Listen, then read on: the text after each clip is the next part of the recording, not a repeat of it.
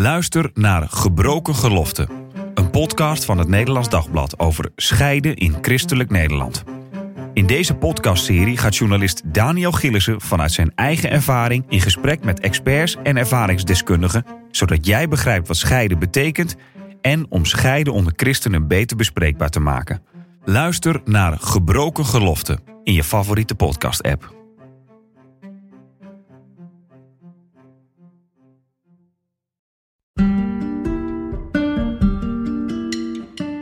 Leuk dat je luistert naar de Relatiepodcast. Iedere week praten we hier over liefde, relatie en seks. Vanuit christelijk perspectief.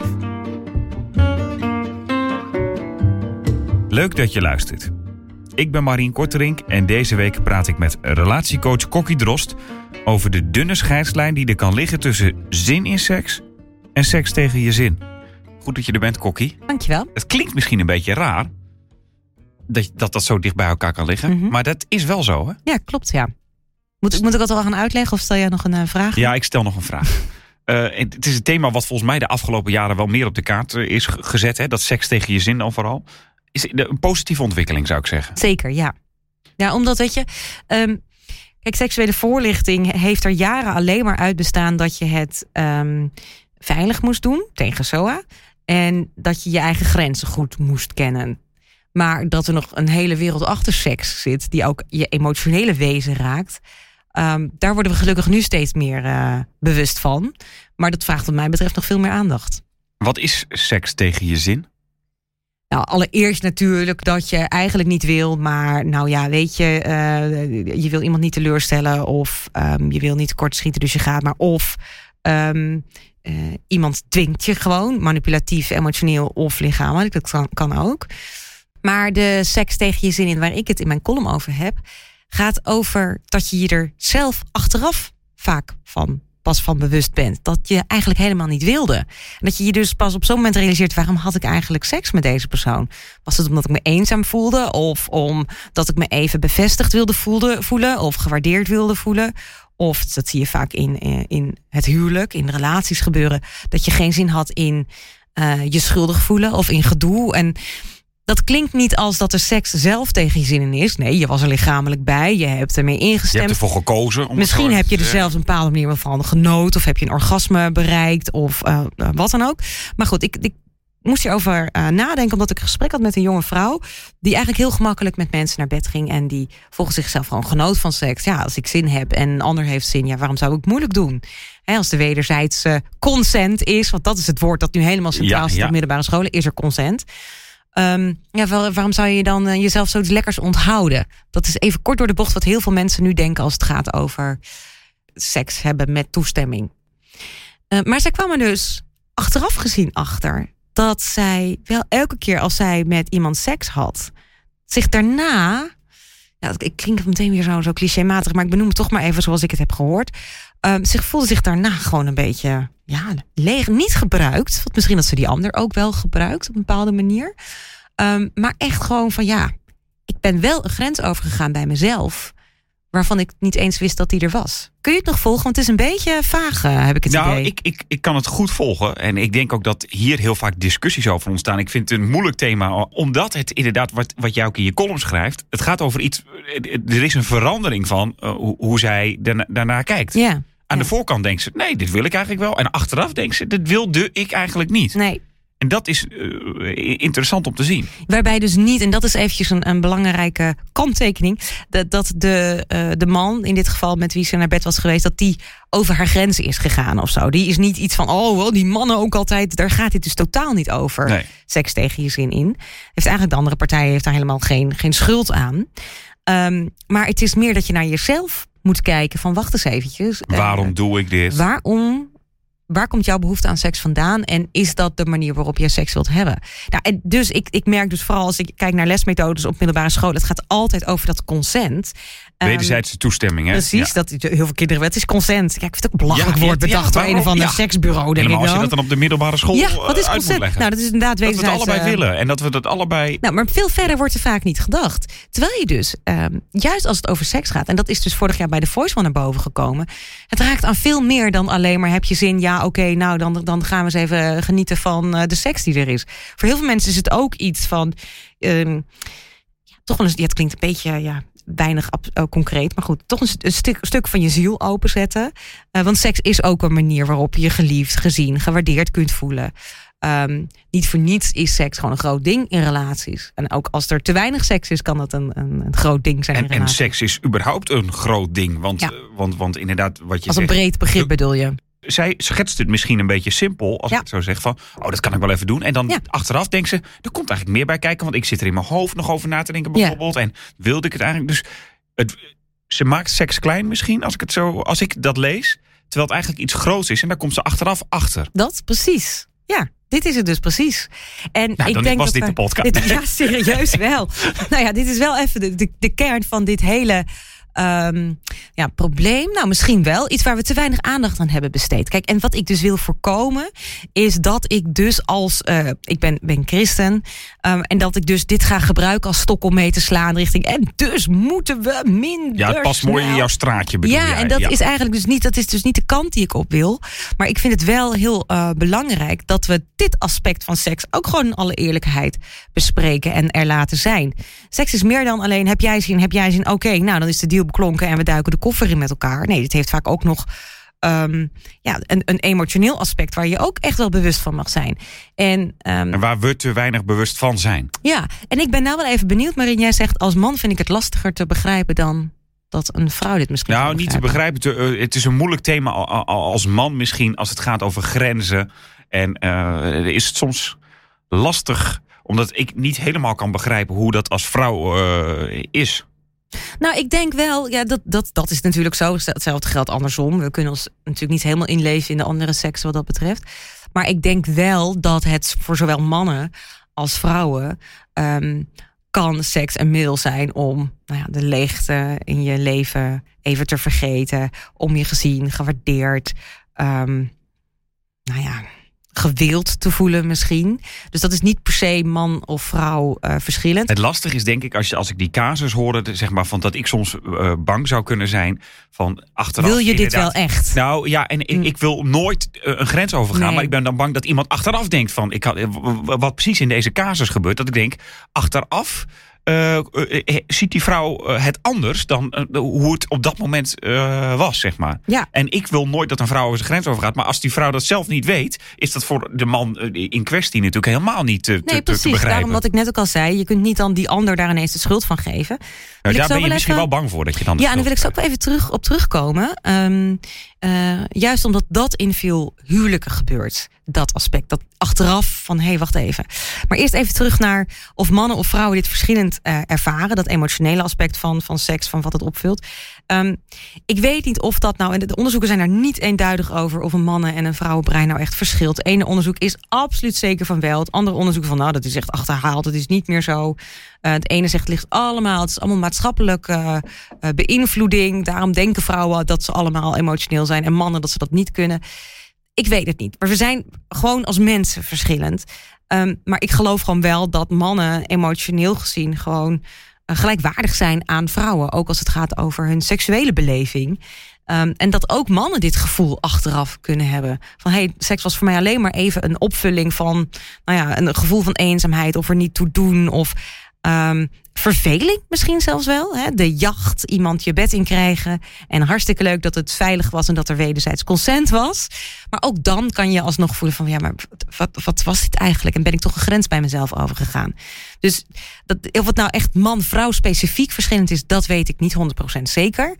Um, maar ik denk wel dat het gewoon voor mensen in het algemeen geldt... dat het echt ook emotionele impact kan hebben. Maar goed, dat is voor iedereen weer anders. Dan eventjes naar jouw punt over dat je dus als man heel erg eng kunt vinden. Dat je achteraf hoort dat je grens over bent gegaan. Was dat jouw...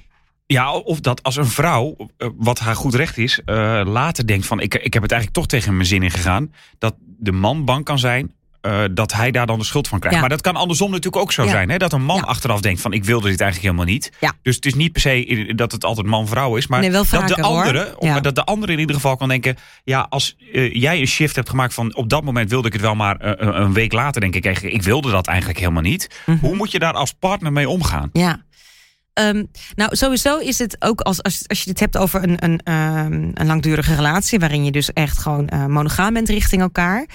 Dat je dit dus ook weer bespreekbaar maakt. En ik zeg weer, omdat het altijd volgens mij mijn terugkerend thema is. Dat je alle. Praten is heel belangrijk in een relatie. ja, ja. Juist ook over moeilijke thema's waar je het liever niet over hebt.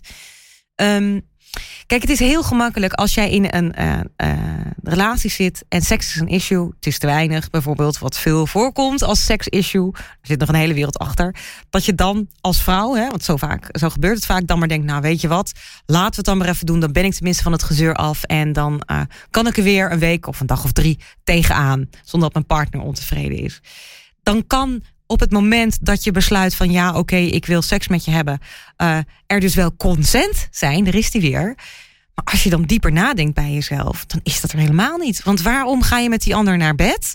Waarom heb je seks? Puur omdat je eigenlijk vanuit de angst dat er weer gedoe van komt, dat maar doet. Dat is echt totaal ongezonde basis voor seks. En dat kunnen mannen en vrouwen hebben. Hè? Want Allebei. je kan gewoon de wekelijkse uh, avond hebben afgesproken. Dat je denkt, ja, eigenlijk geen zin. Maar ja, en, kan er een half uur over gaan praten of we doen het, het gewoon even Het is nou eenmaal een afspraak. Ja, ja, ja, En sommige mensen denken echt, nou, dit, dit werkt voor ons, dus waarom niet? Terwijl ik juist dan denk, hè, en het gebeurt wel vaker in de vorm dat een, uh, een man voor zijn gevoel te weinig zin heeft en een uh, of, uh, te veel, te zin veel en te weinig seks heeft en een vrouw die dan te weinig zin heeft. En dan wordt dit als een oplossing aangedragen, waarbij je dus elke keer iets over de grens van die ander wordt gegaan. Of waarbij je over je eigen grens gaat om de lieve vrede. Onbewust eigenlijk. Ja, en dat lijkt dan heel veel mensen zeggen, dat is toch een oplossing. Voor ons werkt het.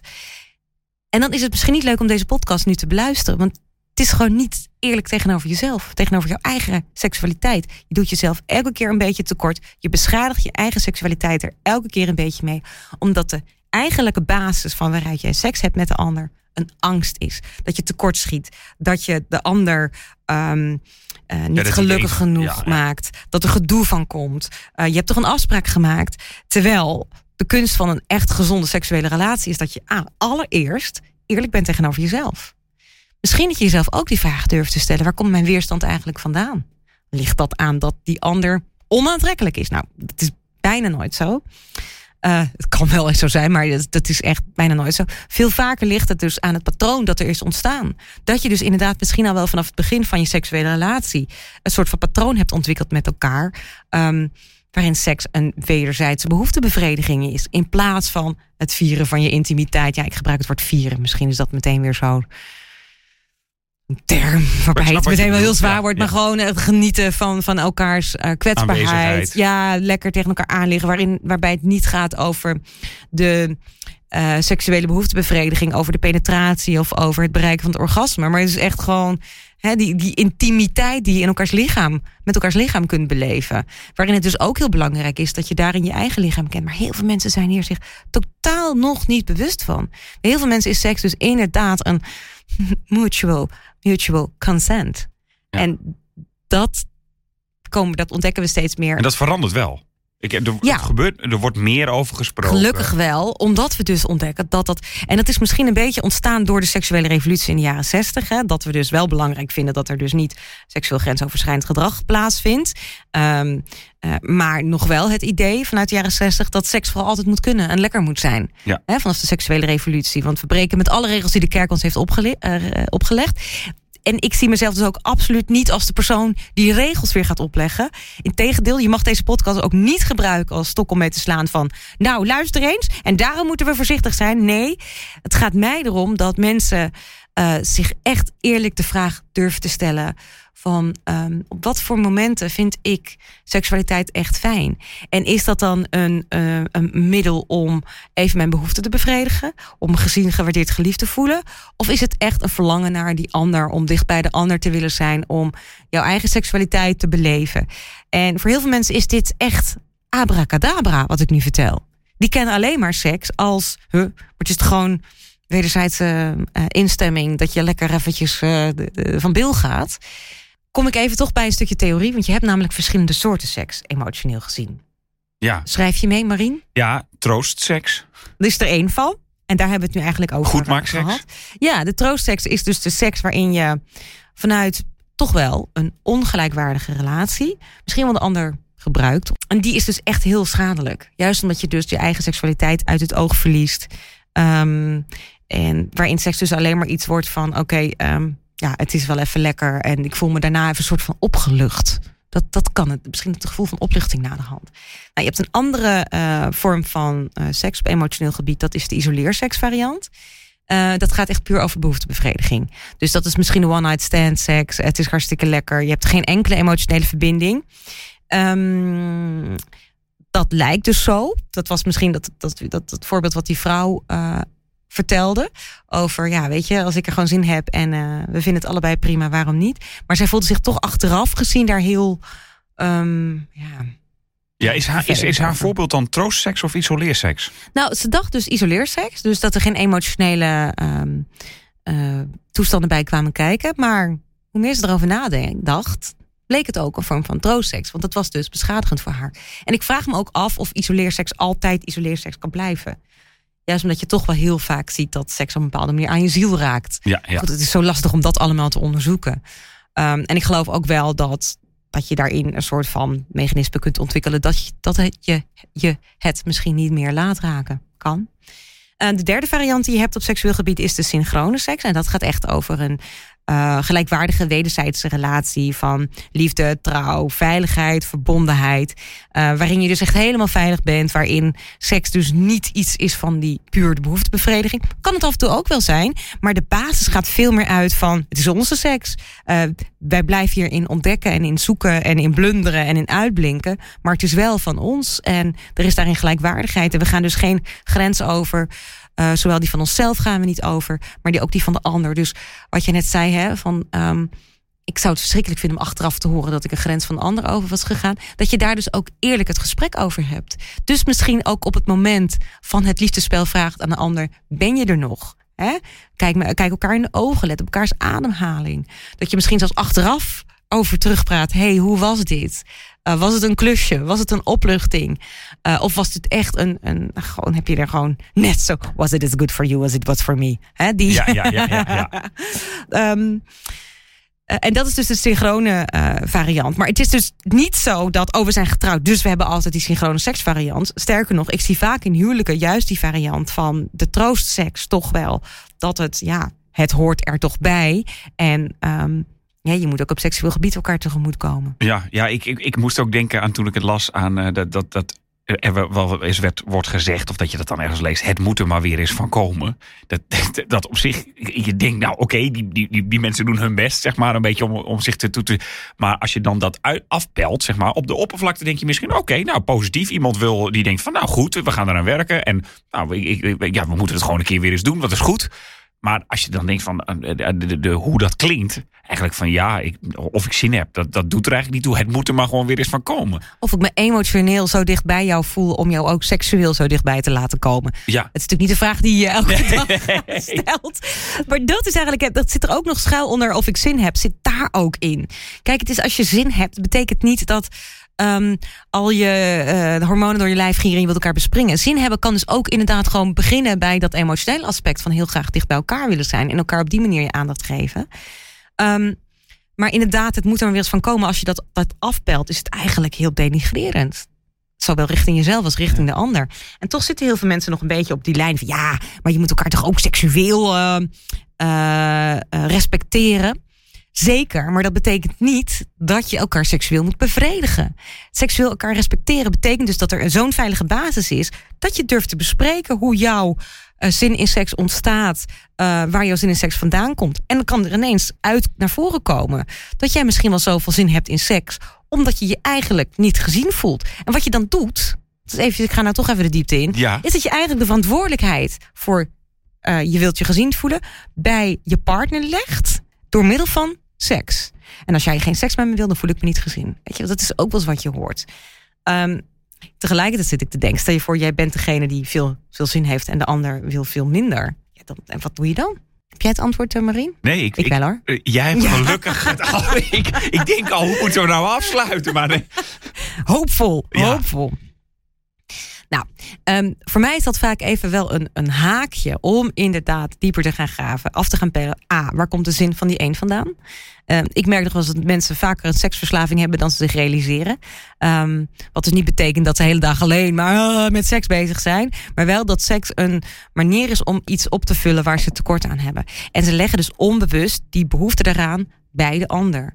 Maar als ik seks met jou heb, dan dan voel ik me weer gelukkig. Dat is, dat, dus die ander voelt dan zich opgelucht van, hè, dan ben ik weer even van het gedoe af. Um, oftewel, de, de kunst zit hierin A, begin maar eens even heel eerlijk bij jezelf na te gaan. Waar komt jouw zin in seks vandaan? Of waar komt je onzin vandaan, om het even zo te zeggen. Hè? Ja, Omdat je ja dat is inderdaad, hè, dat is de andere kant. Waar komt jouw geen zin in seks vandaan? Dat kan te maken hebben met uh, een verleden wat je misschien hebt. Of jouw eerste ervaringen met seks. Veel vaker, veel vaker heeft het te maken met het patroon waar je in bent beland bij je partner. Want als jij keer op keer die troostseks variant van seks uh, hebt. Waarin je dus eigenlijk tegen je zin in, ook al ben je daar niet eens bewust van, intiem bent met de ander. Dan ontwikkelt zich in jouw associatiecentrum een negatieve associatie met seks. Logisch. He, dus dan is het een patroon wat echt rigoureus doorbroken moet gaan worden. Uh, heel soms is het ook gewoon echt zo dat er mensen zijn die, nou ja, weinig sekshormonen hebben, weinig seksdrive. Dat kan. Maar dat is echt, daar begin ik bijna nooit mee. Maar het kan wel, inderdaad als laatste heb ik dan toch nog de vraag. We hebben die, die, die verschillende varianten: isoleerseks, troostseks en ja, uh, symbiotische seks. Uh, synchrone. Synchrone seks, ja. Um, symbiotische seks is volgens mij ook wel heel storend. Maar goed. Ja, nee, synchrone seks. Uh, en als mensen dit horen, denken ze misschien dan toch... maar het kan toch nooit altijd zo helemaal perfect zijn? Nee joh, maar de synchrone seks, dat is het grappige. Dat is juist ook nooit helemaal perfect. Maar dat geeft niet. Want de basis is goed. Moet je aan blijven werken. Het is mijn mantra. Elke keer als ik hier zit zeg ik dat weer blijf in verbinding met elkaar. Blijf eraan werken. Neem nooit aan dat het maar vanzelfsprekend is dat het nou eenmaal goed is of zo. Nee, juist ook je seksuele relatie heeft wat dat betreft heel veel um, eerlijkheid en gesprek nodig. Maar het begint altijd bij een eerlijk gesprek met jezelf. Of je nou single bent of in een relatie zit, dat je je afvraagt van hé, hey, waar komt mijn behoefte aan seks vandaan? Wat is de behoefte die ik eigenlijk erin bevredigd wil zien? Soms is het gewoon echt lichamelijk, soms verlang je verschrikkelijk naar de ander. Soms heb je gewoon een moment gehad van zoveel verbinding dat je niet kunt wachten tot je thuis bent na een etentje bijvoorbeeld. Um, allemaal, dat is echt allemaal helemaal logisch en normaal. Dat kan allemaal bestaan. Um, maar er bestaat inderdaad niet, het is altijd perfect. Nee, maar in een goede relatie is dat geen probleem. Dankjewel. Graag gedaan. De column van Kokkie die zet ik zoals altijd weer in de beschrijving van deze podcastaflevering. En heb je nou ook een vraag die hierover gaat, of over relaties, liefde of seks, maakt niet uit. Als je een antwoord wil, mail je vraag dan naar podcast.nd.nl. En wie weet bespreken we hem hier binnenkort. Tot volgende week.